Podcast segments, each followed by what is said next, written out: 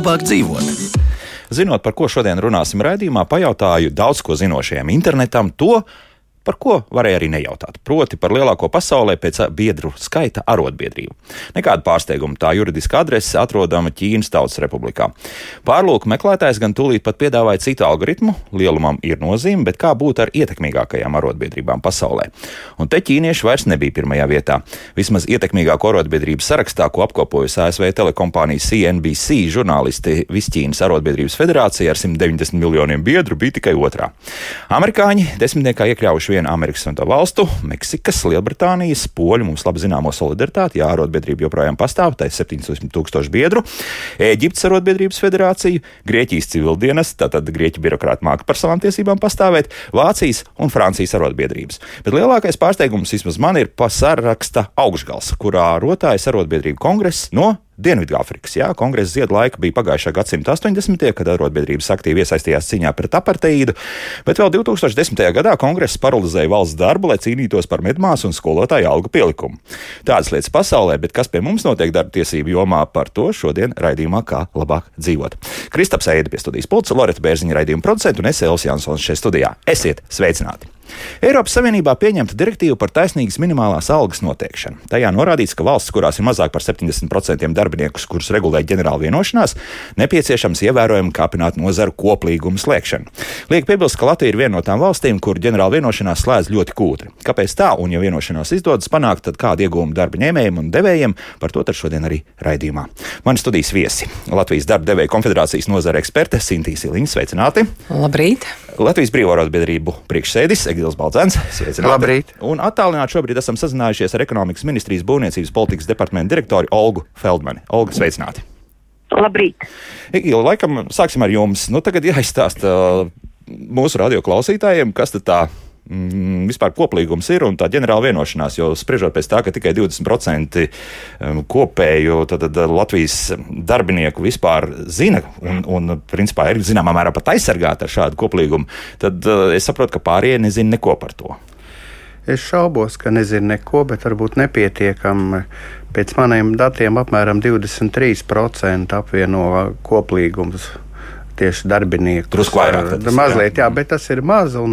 Es arī skatījos pēdējo tekstu, kas bija Eiropas parlamentā. Tad tur jau runāja, ka, lai būtu normāls koplīguma aptvērums katrā Eiropas Savienības valstī, tad valstī būs jāizstrādā pat tāda programma, kas paredz atbalstu.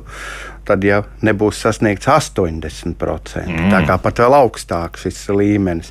Kāpēc tas ir nepieciešams? Tāpēc, ka mums summāri Es domāju, ka te var diskutēt par dažādiem aspektiem. Ir ļoti labs eh, darba likums, bet katra puse noteikti pateiks kādu savu iebildumu.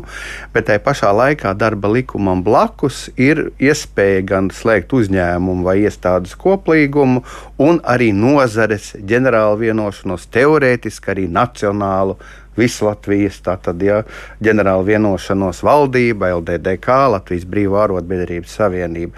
Apmēram tādas tās iespējas ir. Un tās dod kaut ko papildus likumam gan koplīgums, gan ģenerāla vienošanos dod kaut ko papildus.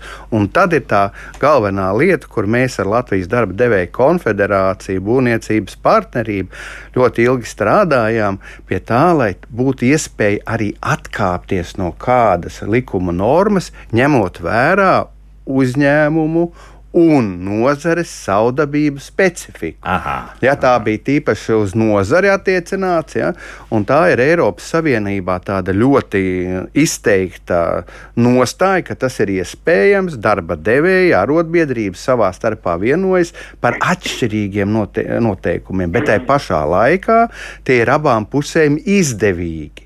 Un mums bija arī tāds milzīgs tāds maratons, divās saimās mēs izgājām cauri, izdiskutējām kopā ar darba devējiem, gan ar valsts prezidenta, gan ar saimas juristiem par tās atkāpes iespējām.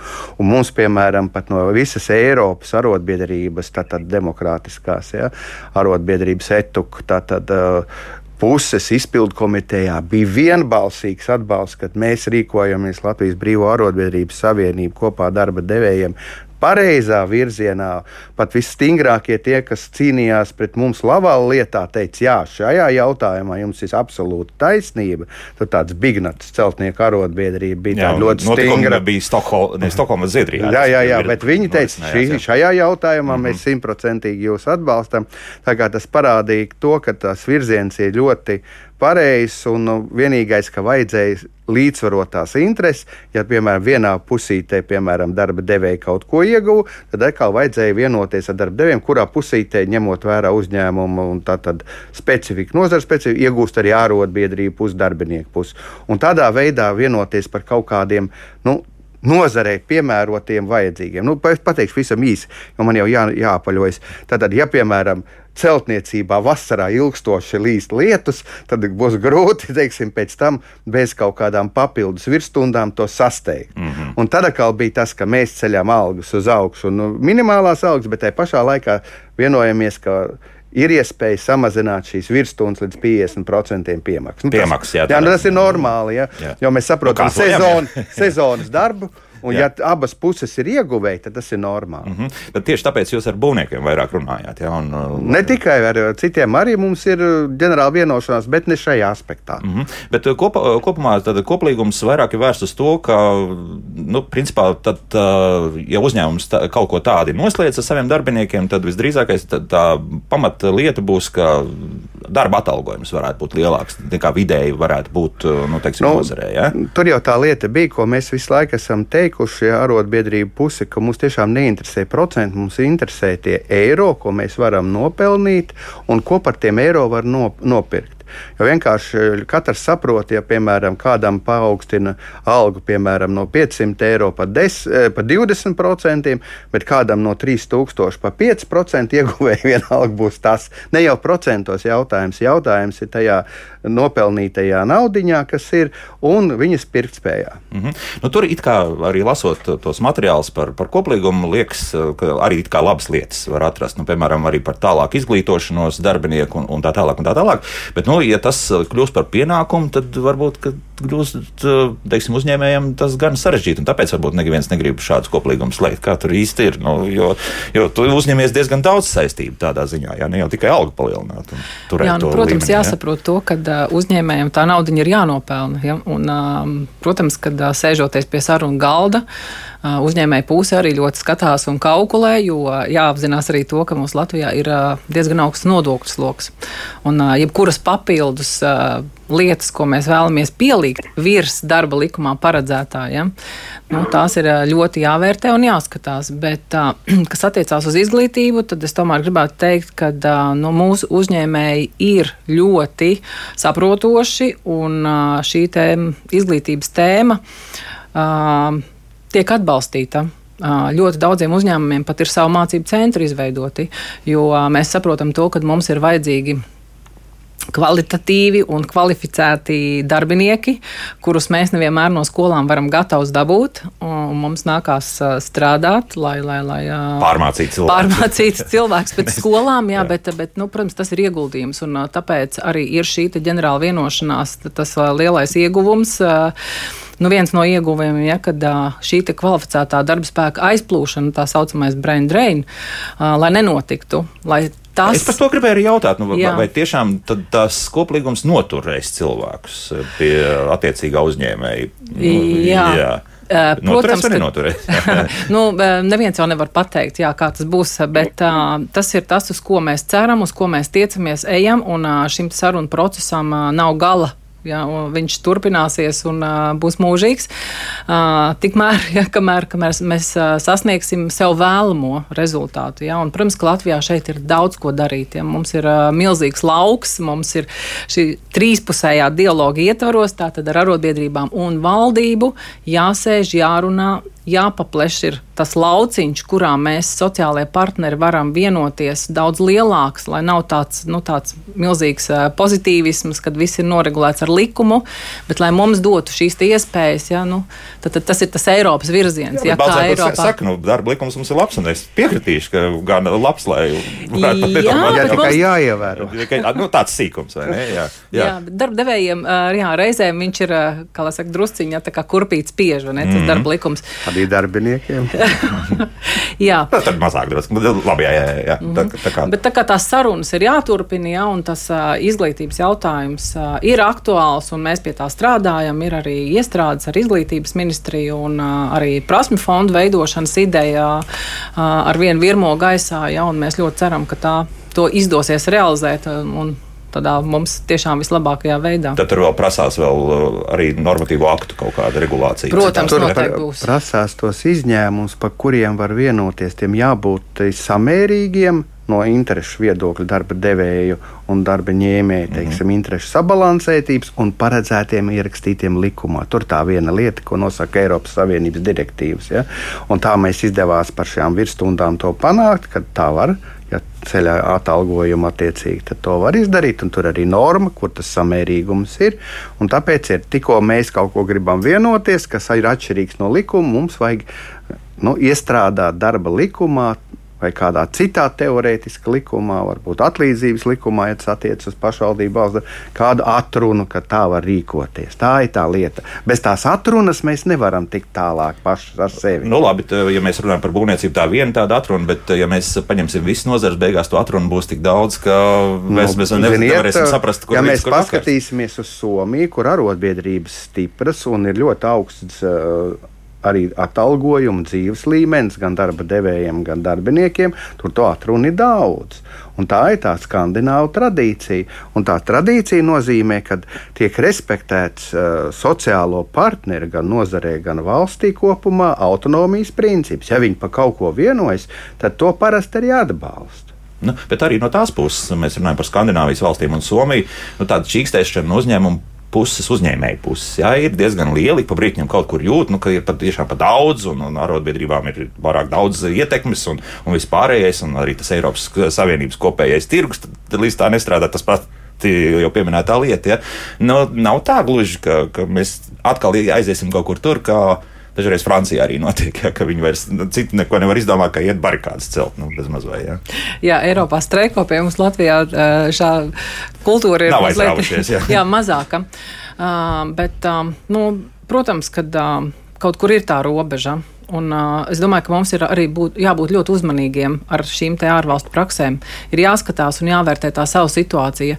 Mūsu tā sociāla-ekonomiskā nu, šeit tā bāze nav ne tuvu tāda kā Eiropā, ja, tāpēc mēs nevaram akli skriet. Ja, mums ir jāvērtē, visu laiku jābalansē eh, te, kā lai saka, savā, uz sava ceļa. Ja, Lai mēs stāvam uz abām kājām, darbinieki un darba devēji, ja, lai abām pusēm ir komfortabli. Nu, Es, protams, atkārtošos droši vien šodien nevienreiz vien, ja nu, darba devēja šobrīd jūt, ja, ka mums tas uh, sloks ir ļoti liels un arī viss šī krīzes situācija lielā mērā uz uzņēmēju pleciem gulās, ja, un uh, tāpēc mums ar vienu gribās, ja, lai mums tas dialogs ar valdību ir uh, nu, uzlabojās un kļūst labāks, ja, lai, lai, lai nu, mēs varētu būt tie, un mēs esam tie, kas nu, šajā valstī pa lielam to budžetu nes uz saviem pleciem. Tas gan, tas gan. Jā, es tikai gribēju vienu piebilst. Eh, protams, arī, kā jau jūs minējāt, gan Zviedrijā, gan Somijā ir darba devēji, kuri ir neapmierināti ar visu šo politiku. Mm -hmm. Tas mhm. ir dabiski, bet viņi ir izteikts mazākums. Tā ir tā būtība. Un tas vairākums ir vienojies par to nozares politiku. Viņi ir pieņēmuši šo spēles noteikumus. Eh, vairākums ir absolūti Jā. pieņēmuši. Protams, tas nenozīmē, ka darba devēji tur ir kļuvuši bezzobaini vai nav as. Viņiem arī savi teiksim, fondi, kad ja kāds streiks sākās, viņi arī var izturēt kādu ilgu laiku, ne tikai arotbiedrības. Ja, var streikot ilgu laiku, arī darba devēji var izturēt ilgu laiku šo streiku. Ja, bet ne par to iet runa. Runiet par to, ka. Uh, ir arī darba devēja vidū, tāpat kā darbinieku vidū, uz labi atalgot vietu savu konkurenci.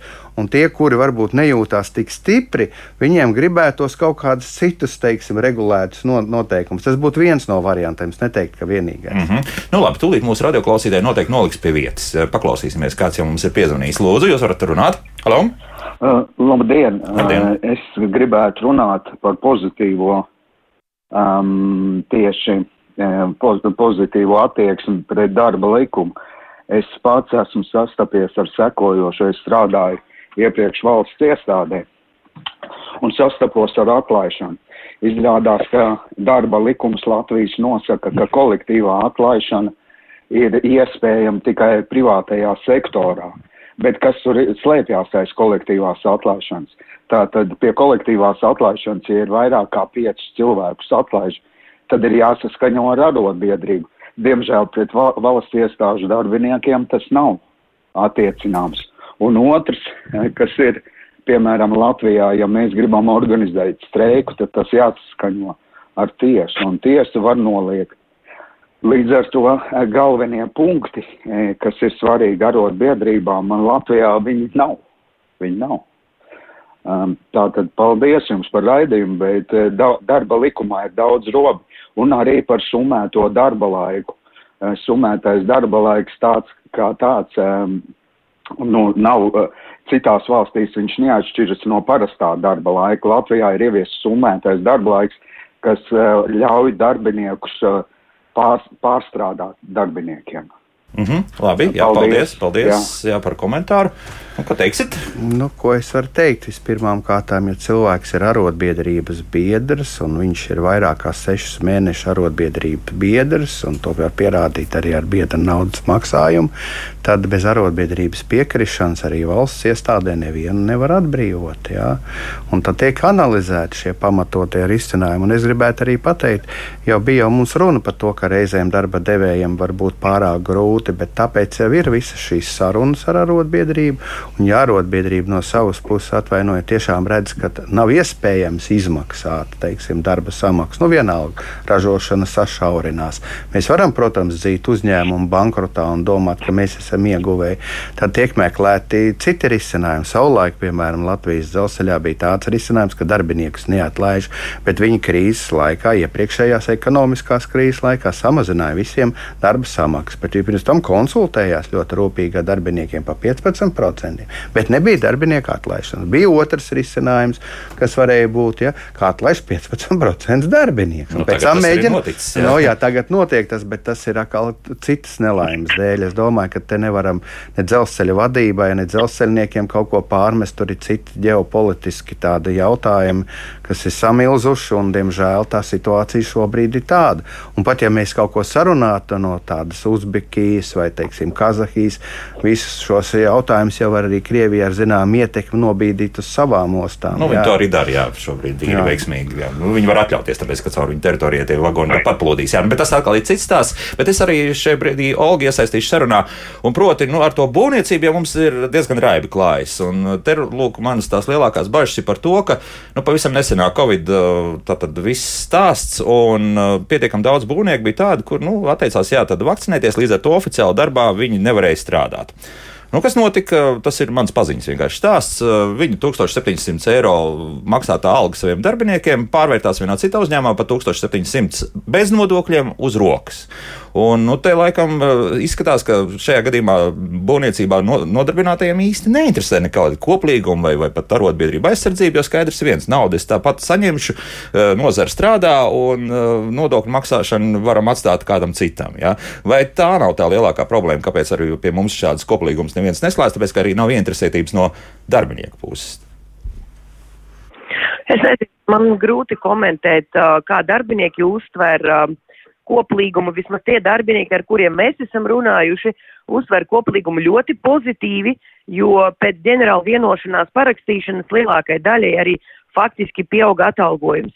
Tas, ka uh, mums joprojām būvniecība ir augsts no ekonomikas radītājs, tas ir skaidrs, bet tieši ģenerāla vienošanās uh, kopā ar elektronisko darblaiku uzskaiti uh, arvien vairāk un vairāk uh, samazina ēnu ekonomikas uh, iespējamību.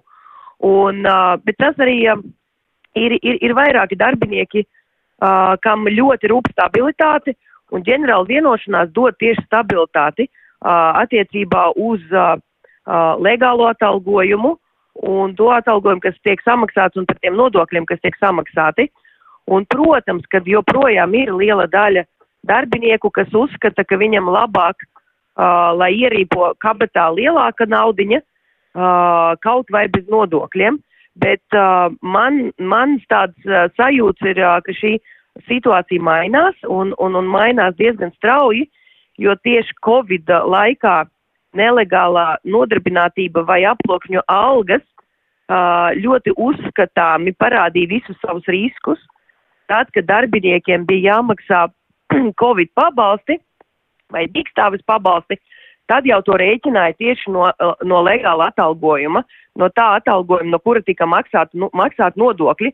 Un tieši tajā brīdī diezgan daudz darbinieki ir sapratuši, ko nozīmē legāls atalgojums un ko nozīmē alga atbilstoši ģenerāla vienošanai, jo viņiem bija daudz lielākas garantijas nekā tiem, kas uh, kas turpināja strādāt varbūt un saņemt to algu nu, nelegāli. Tā bet tajā nelegālajā tirgu nu, tur nekas nemainās. Nu, tu strādā, nu, kā jau teicu, jā, tad pārējot uz vienu citu firmu, tu saņem to, ko tu saņēmi uz papīra, šajā gadījumā uz rokas, un, un man ir pilnīgi vienalga. Tas nozīmē, man ir par 300-400 eiro vairāk maciņā un, un, un pilnīgi nospļauties, kas apkārt notiek. Sevišķi es, jā, bet, esmu, zināmā mērā, valdības politikas pretinieks, jā, vēl pie tam. Nē, bet, bet, protams, tā tas ir, un daudziem jauniem cilvēkiem, īpaši jauniem cilvēkiem, liekas, ka viņš nekad nesaslims un viņam nevajadzēs no valsts sociālo atbalstu citos jautājumos. Bet tieši Covid laikā, tad, kad dīkstāvis pabalsti reāli tika maksāti no tās no legālas algas, tad diezgan daudz ir sapratuši, ko nozīmē uh, aploksņu algas un kādu risku satur aploksņu algas. Bet, uh, bet, uh, bet, bet tas ir daudz sarežģītāks jautājums. Un, uh, Un, un ēnu ekonomika tiek pētīta gadsimtiem, un, un, un ēnu ekonomika vienmēr pastāvēs. Tas ir skaidrs. Jautājums ir, kāds ēnu ekonomikas radītais ir uh, konkrētā nozarē. Un, uh, piemēram, būvniecībā 15. gadā bija 40% ēnu ekonomika. Nu, tas ir milzīgs skaitlis. Gadā, tas ir milzīgs, jā, lielākā daļa bija tieši aploksņa algas. Un uh, ieviešot kompleksus, uh, pa, uh, kompleksus pasākumus, tā izskaitā parakstot ģenerālu vienošanos, faktiski 20. gada ēnu ekonomikas līmenis būvniecībā samazinājās līdz 28%, kas tiešām ir ļoti, ļoti liels un ievērojams samazinājums. Tā izskaitā aploksņa algu komponente. Un, un, un skaidrs, ka valsts turpina arī īstenot pasākumus ēnu ekonomikas samazināšanai, piespiežot nevis maksāt mazāk, bet, bet, bet nu, spiežot maksāt atbilstošu atalgojumu, atbilstošu ģenerāla vienošanās noteiktu atalgojumu. Un, uh, piemēram, šobrīd būvniecībā mums arī ir elektroniskā darba laika uzskaite, un tā ir jābūt visos objektos, kuru vērtība ir vismaz 350 tūkstoši būvdarbi. Tas uh, nozīmē, ka katram cilvēkam ir jāreģistrējās no rīta ienākot un vakarā aizējot. Un uh, nodokļu administrācija valsts iemdienas skaidri redz faktiski darbinieka nostrādāto laiku. Līdz ar to paliek arvien mazākas iespējas strādāt nelegāli vai, vai, vai, vai krāpties ar to atalgojumu. Proti, ģenerāla vienošanās kopā ar elektronisko darba laiku uzskaiti faktiski uh, veicina konkurētspējīgu atalgojumu visā nozarē, jo, jo tās mērķis ir nevis spiest uh, cilvēkam saņemt mazāk, bet uzņēmējiem samaksāt lielākus nodokļus. Skaidrs, ka tas ir sloks uz uzņēmēju, bet no otras puses tas ir arī nozares konkurētspējas jautājums. Nenoliedzam, nenoliedzam tas gan. Bet tas nozīmē, tā, ka, mm, ja mēs iesim tagad vecrīgai cauri, tad mums daudz dažādu praktikantu pēdiņās nebūs jā, šajās uh, attiecīgajās vietās, kur kaut kāda notiek vai nu remonta darbi vai būvniecības darbi. Kā tur būs? Viņi, viņi varētu būt, ja tiek ievērotas visas prasības, kas attiecās uz praktikantiem. Uh, bet, uh, bet, bet uh, kopumā tur, kur uh, lielāka problēma, protams, ir ar dzīvokļu remontiem un ar tādām brigādēm, kas strādā pavisam melnajā zonā nelegāli, bet visur, kur ir, kur ir legāla būvniecība, un 350 tūkstoši ir diezgan mazi objekti, kur ir jābūt darbu uzskaitē. Līdz ar to mēs redzam visus darbiniekus, kas strādā, un mēs attiecīgi redzam, cik viņi faktiski stundas nostrādā un pretī mums ir stundas likme, kas viņiem būtu jāmaksā atbilstoši ģenerāla vienošanai. Un tās tiešām, nu, tas arī palīdz pašai nozarei attīrīties no uh, melniem tādiem uzņēmumiem, kas strādā nelegāli un kropļo konkurenci.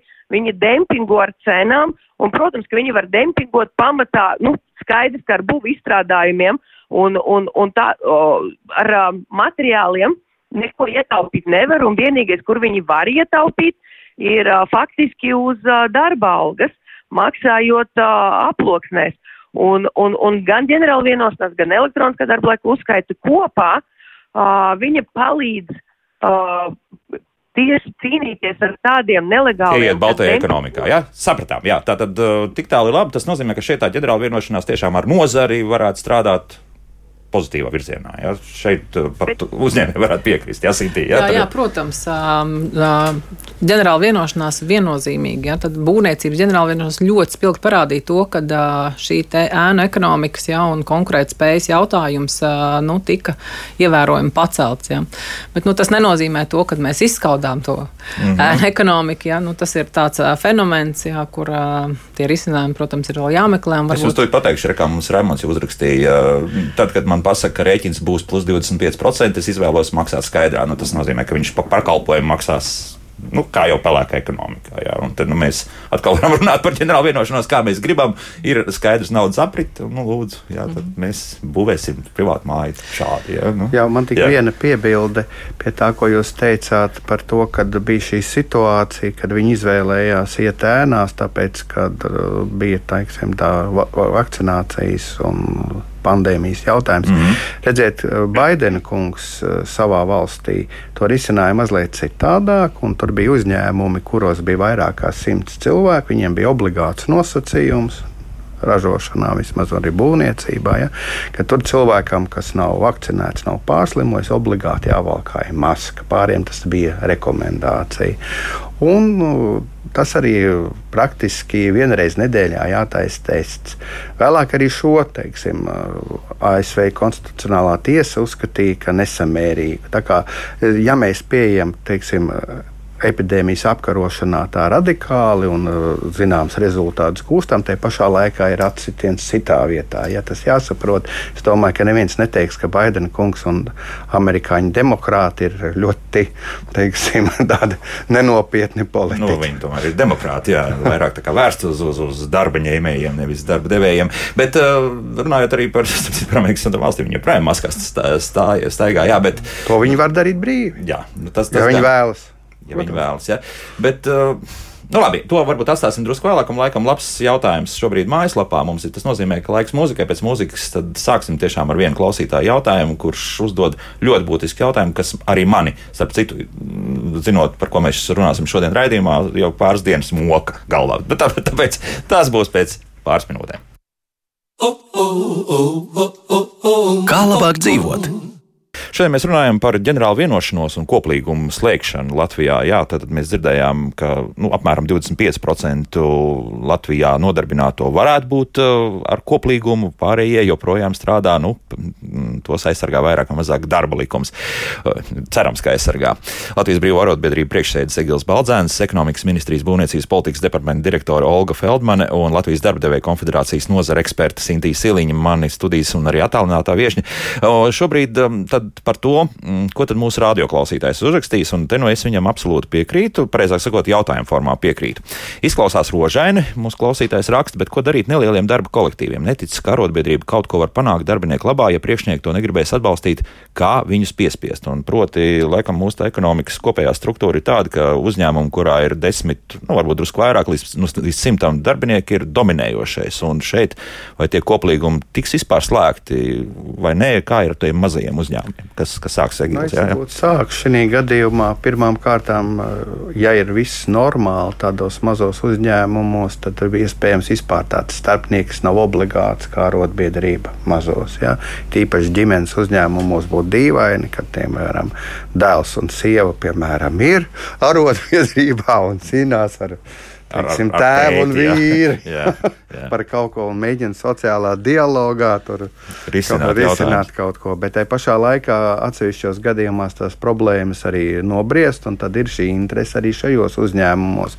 Un tas, ka šis lielais īpatsvars, kas ir maziem un tādiem nelieliem uzņēmumiem, kur tiešām ir attiecības tādas, kas varētu būt teiksim, diezgan tādas. Nu, parasti normālas, ja, apmierina abas puses, ja, tad tur arī tā nepieciešamība pēc arotbiedrības nav tik liela. Ja, tad viņi rodas konkrētos konfliktu situācijās vai kaut kādās domstarpību gadījumos, un tad arī arotbiedrībā stājas šie cilvēki, un tad ir šis uh, juridiskais atbalsts viņiem, viņiem ir arī šīs pārstāvniecības atbalsts, un tad ar viņu interesēm ir jāmēģina nu, samērot savas intereses, nevis vienkārši diktēt noteikumus. Par koplīgumiem, protams, arī šajos uzņēmumos viņi var būt un vajadzētu būt.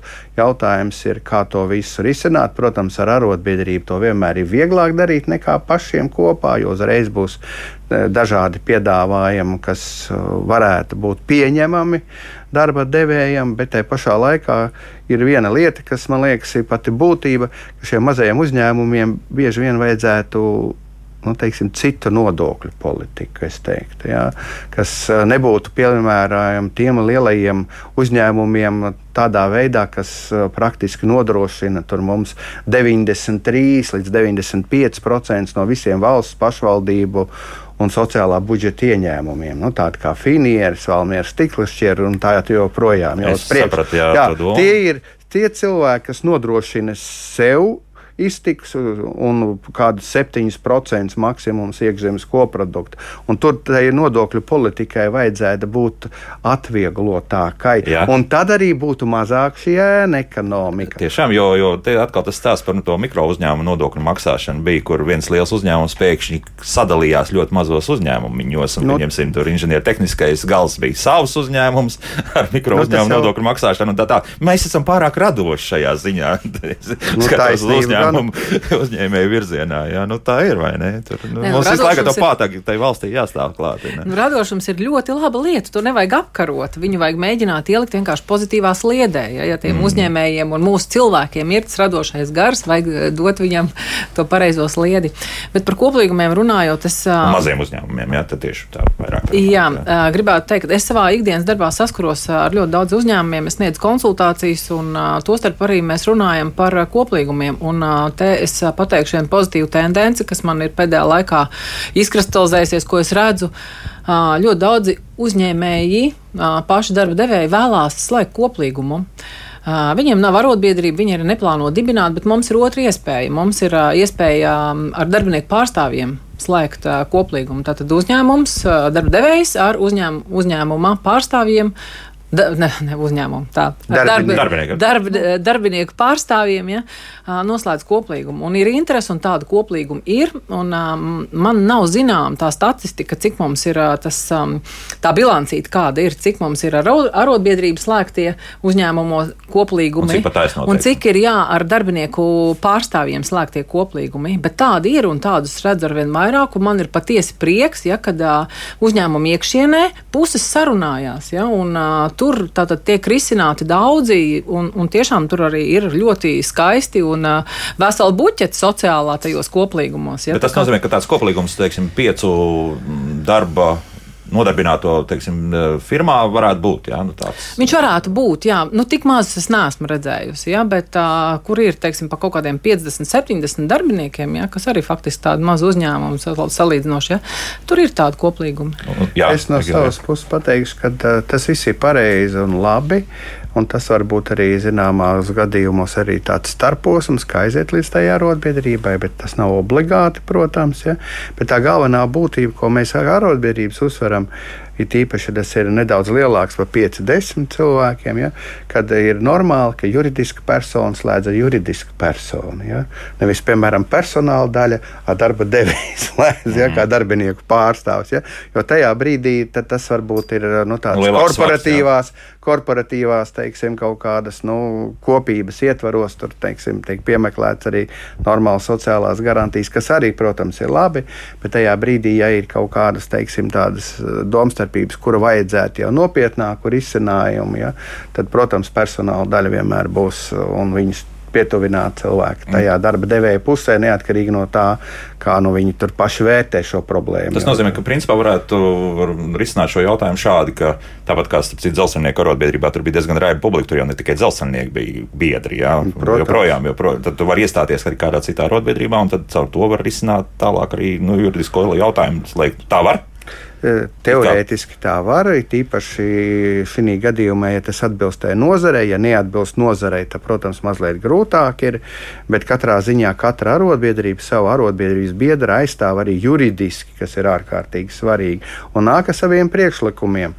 Tur jau tā galvenā pienesuma lieta. Bet tā kā teica kolēģi, tad, protams, jebkurš koplīgums ir labs un iegūms abām pusēm. To neviens nekad nav noliedzis. Vienkārši tas jautājums ir par to līdzvērtīgumu tai sarunās. Ja? Mm -hmm. Lai nebūtu tā, ka vienā pusē ir atsevišķs darbinieks, kurš šodien ir, bet varbūt atvainojiet, pēc pusgada vairs nav. Viņš ir noslēdzis, viņa nekāda atbildība nav, bet arotbiedrība ir juridiska persona. Nu jā, jā.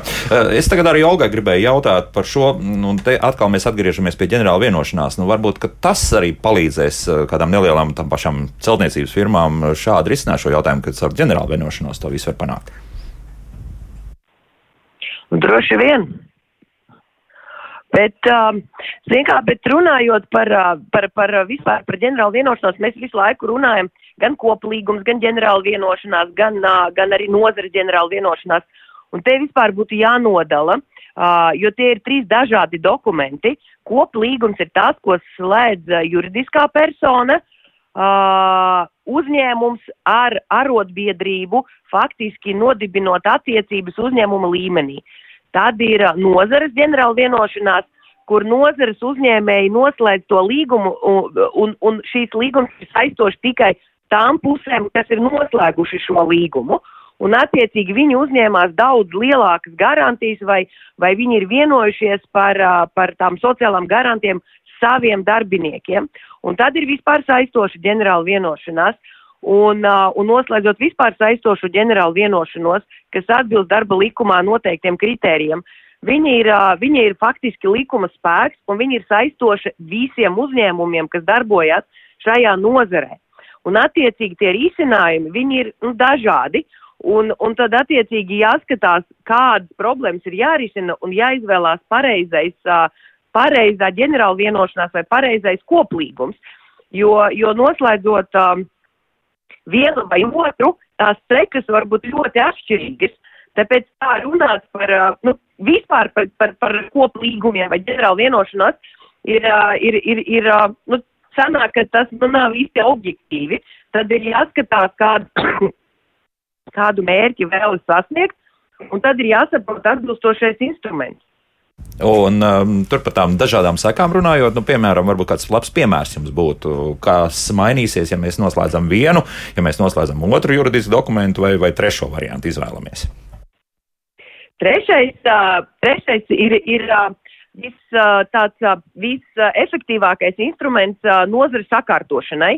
Būvniecība ir noslēgta vispār saistoša ģenerāla vienošanās kas nozīmē, ka ģenerāla vienošanās nosacījumi ir saistoši visiem uzņēmumiem, kas darbojās nozarē, neatkarīgi no tā, vai viņi ir parakstījušies, vai viņi nav parakstījušies, vai, vai viņi bija attiecīgi ģenerāla vienošanās slēgšanas pusē vai nav.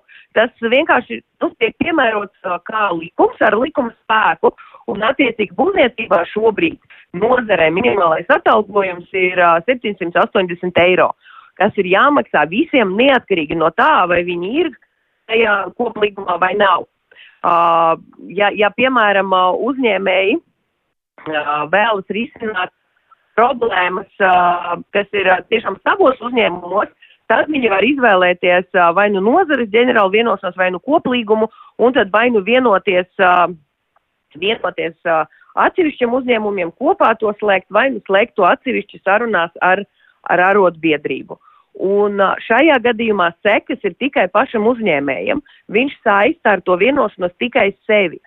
Un uh, droši vien nozarēs, kur ir liels ekonomikas īpatsvars un, uh, un konkurence ir izkropļota, šāda veida līgumi īsti nu, nav, um, nav uh, darba devēju uh, labākais uh, variants, jo, jo viņi uh, uzlabo situāciju savā uzņēmumā, bet viņiem grūti konkurēt ar tiem, kas joprojām strādā vai turpina strādāt uh, melnajā zonā vai pelēkajā zonā. Nu, vienīgi, ja tie ir labi saurodas speciālisti, nu, tad attiecīgi tādam speciālistam būs izdevīgi strādāt tādā uzņēmumā, kur šāds koplīgums būs. Jā, un tas ir nākamais, ko es gribēju atzīmēt, jo man liekas, ka uh, Brensona kungs pateica uh, zelta frāzi parūpējies par saviem darbiniekiem un viņi parūpēsies par saviem klientiem.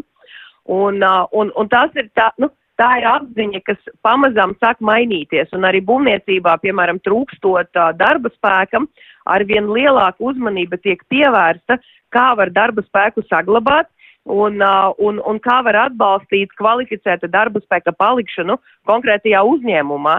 Un tad ģenerāla vienošanās vai koplīgums ir īstais instruments.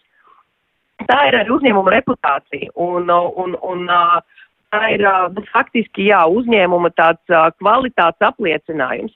Un vēl piebilstot arī par, par, par darba likuma piemērošanu, šīs arī bija tāds mīts, ar kuru mēs saskaramies, gatavojot būvniecībā ģenerālu vienošanos, kad, nu, kur mums bija liela pretestība par atkāpēm no darba, no darba likuma, uh, kur uzskatīja, ka mēs mēģināsim pasliktināt uh, darbinieku sociālās garantijas. Bet ģenerāla vienošanās ir vienošanās, abu pušu vienošanās.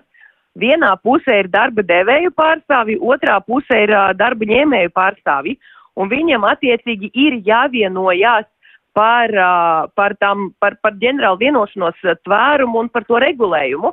Un grūti iedomāties, kad puses var vienoties, uh, pasliktināt uh, Vienas puses tiesības un vispār. Ja? Bet nu, tā atkal teiks, ka vienai pusē varbūt būs labāki juristi, kas maziem melniem burtiņiem kaut ko ierakstīs tādu, kas krietni nu, pabīdīs nu, uz citu pusi. Jā, no tām atkāpēm, kuras jāfi, jāfiksē ir likumā caur parlamentu, un Aha. tur jau un tomēr būs pārbaudīs tur būs katru. Tas sarks, jā, tas, tas būs. Jā. Parlaments noteikti ļoti rūpīgi skatīsies visas šīs lietas. Nu, cerēsim, to mēs tā, jau divreiz ejot cauri likumam redzējām, kad, kad arī tā bija. Tā arī būs, jā. Bet tādā gadījumā tad man, jā, Olga, jā, jā, lūdzu. Es gribu piebilst, pat ja tas nav parlaments un pat ja tas neiziet caur samērīgumu, tas ir arotbiedrības reputācijas jautājums. Nu, es domāju, ka arot vismaz tad, kad mēs slēdzām būvniecības nozari ģenerālu vienošanos, abas puses tiešām vēlējās panākt objektīvu un jēgpilnu risinājumu.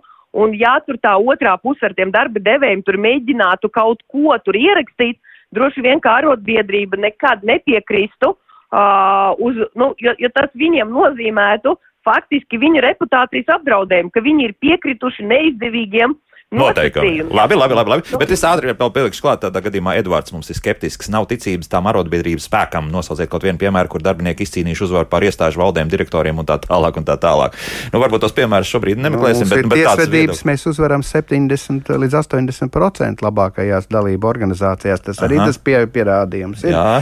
Protams, arotbiedrības. Cik tāda lieta apmēram ir gadā? Nu, daudz ir simti. Simti, jā, nu, lūdzu, tā ir laikam. Tas ir tas, nē, protams, mēs arī zaudējam. Nav jau tā, Kad, nu, jā, 30% gan arī tiek zaudēts, bet no 70% tiek. Bet tādā gadījumā es saprotu arī to, ko mums Olga teica. Nu, tad vienkārši noslēdzam konkrētās nozares ģenerāla vienošanos un ieliekam tur visus attiecīgos punktus, un tad mums vairs galva nesāpēs par to, kas notiek mazos uzņēmumos. Visiem būs skaidrs, ka viņiem būs alga vidēji lielāka nekā valstī iestiekšā, jo nozarē sanāk, ka visiem tāda būs minimālā, un tā tālāk, kaut kādas sociālās papildus garantijas, un viss būs ļoti labi. tā, es, protams, ka tajā brīdī uzņēmējs saķers galvu, jā, jo tas nozīmē vēl papildus izmaksas. Bet... Nu, nav tik traki, es varbūt ies, iespraukšos, es paskatos, piemēram, tagad no 1. jūlija, ka mums pieaug neapliekamais minimums.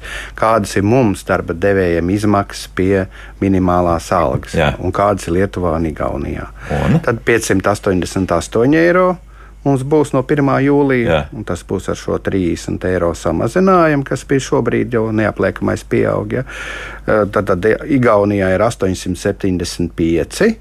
Un uh, Lietuvā 743. Bet ir taisnība absolūti darba devējiem, ka nodokļu sloks pie lielākām algām un vidējām un augstām algām mums ir nesamērīgi augsts. Un te būtu tā situācija jālabo gan ar diferencēto neapliekamo minimumu, gan ar nodokļu slogu. Kā lielāk, jo es baidos, ka 588 eiro šobrīd nu, tā vairs nav nauda, ar ko. No, es pilnīgi piekrītu. Tā ir tā viena lieta, kāpēc mēs dzīvot, arī godīgi jā. sakām, ka šis uh, minimālās algas paaugstināšana valsts noteiktā un attiecīgos gadījumos gadījumos arī augstāka alga, protams, ir tas, par ko mums nopietni ir jāstrādā gan ar valdību. Mēs visu laiku turam to no, karogu, kad nemazākā Eiropas Savienības direktīvā ir noteikts. Tas ir arī mūsu saimnes lēmums šobrīd. Tie principi ir noteikti.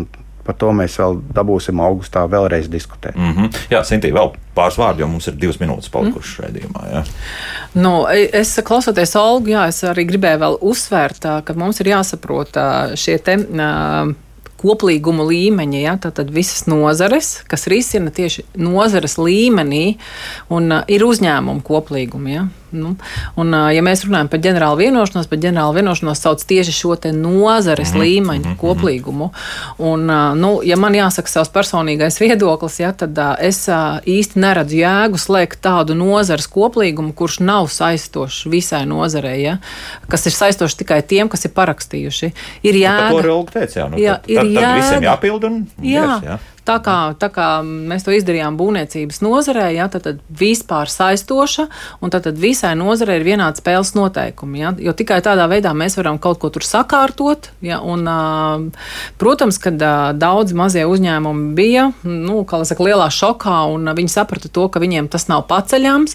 Bet, redz, tomēr Rezultātā ja, tas viss rezultējās ar to, ka nozara tika pacelta un, un tas rezultāts neapstāsies. Ja. Ir, ir, ir iegūms, ja, un ēna ekonomika mazinās. Un arī mazie uzņēmumi visi turpina dzīvot un strādāt, un visi mobilizējās, saprata, pārkārtojās. Ja, un, es domāju, arī mazajos uzņēmumos rezultātā ir iegūms. Ir iegūms. Nu, Cerēsim, ka tas tā arī ir. Jā. Ko mums ar mājaslapā vēl raksta? Cilvēki norēģēja uz aploksņa algām, te vairāk arī piemēri, kas notiek, bet tas ir cits stāsts, jā, un tas ne tik daudz neatiecas uz šīs dienas tematiku, kaut gan, protams, arī zināmā mērā tas, tas liecina par to, kas notiek arī ekonomikā un, un kā cilvēki strādā. Bet um, Jānis nu vēl jautā, kāpēc Latvijā tiek piemērots summētais darba laiks, bet citās Eiropas Savienības valstīs ir vienota darbs stundu uzskaite. Kāpēc vienota stundu uzskaite ir iespējama rietumos, bet Latvijā nē, kur tas āķis? Nu, ir taisnība, ka ir valsts arī Eiropā, kas eh, neizmanto šo summēto darba laiku, bet mums jāatcerās arī tas, ka tā, eh, tā, tikai līdz trim mēnešiem var darba līgumā vienoties. Nu, tad tajā brīdī, ja es esmu ļoti kvalificēts darbinieks, es jau varu vienoties ar darba devēju, kad es slēdzu līgumu un man ir viens mēnesis, un tas noteikti tas ir darba līgumā. Ja? Koplīgumā var līdz kādam vienoties, bet tad atkal ir pretīm koplīgumā citi ieguvumi. Tā kā tas jautājums ir tāds, nu, ja jau es esmu tāds darbinieks, kuram darbiņu vajag, un es tomēr apzinos to, tad, ja darba devējs man teiks, te būs tā kā darba likumā, tas uzskaits laiks, trīs mēnešu periods, nu, ko es saku, man jāpiekrīt, ir, ja es būšu kvalificēts, būšu viņam ļoti vajadzīgs, es jau varu runāt, nu, klausies, varbūt, mēs varam pāriet uz diviem mēnešiem vai vienu. Mm -hmm. Tas ir atkarīgs no abām pusēm. Abām pusēm tomēr, jā. Lūk, šodien beidzām, nu redzēsim, ar ko tas viss, ne, es neteikšu, ka beigsies, bet kā tas viss tālāk risināsies, un uh, es jau tomēr gribētu cerēt, ka viss, kas tiek pieņemts arī sēmā, nāk par labu labu kopumā sabiedrībai un, protams, arī darba ņēmējiem un darba devējiem. Arī, jā, bez tiem nu nekādi. Jā. Latvijas Brīvā arotbiedrība priekšsēdētājs Egils Baldzēns, ekonomikas ministrijas būvniecības politikas departamenta direktora Olga Feldmane un Latvijas darba devēja konfederācijas nozara eksperts Sintīs Siliņa bija kopā ar mums. Paldies par sarunu. Jaukdien visiem! Atā.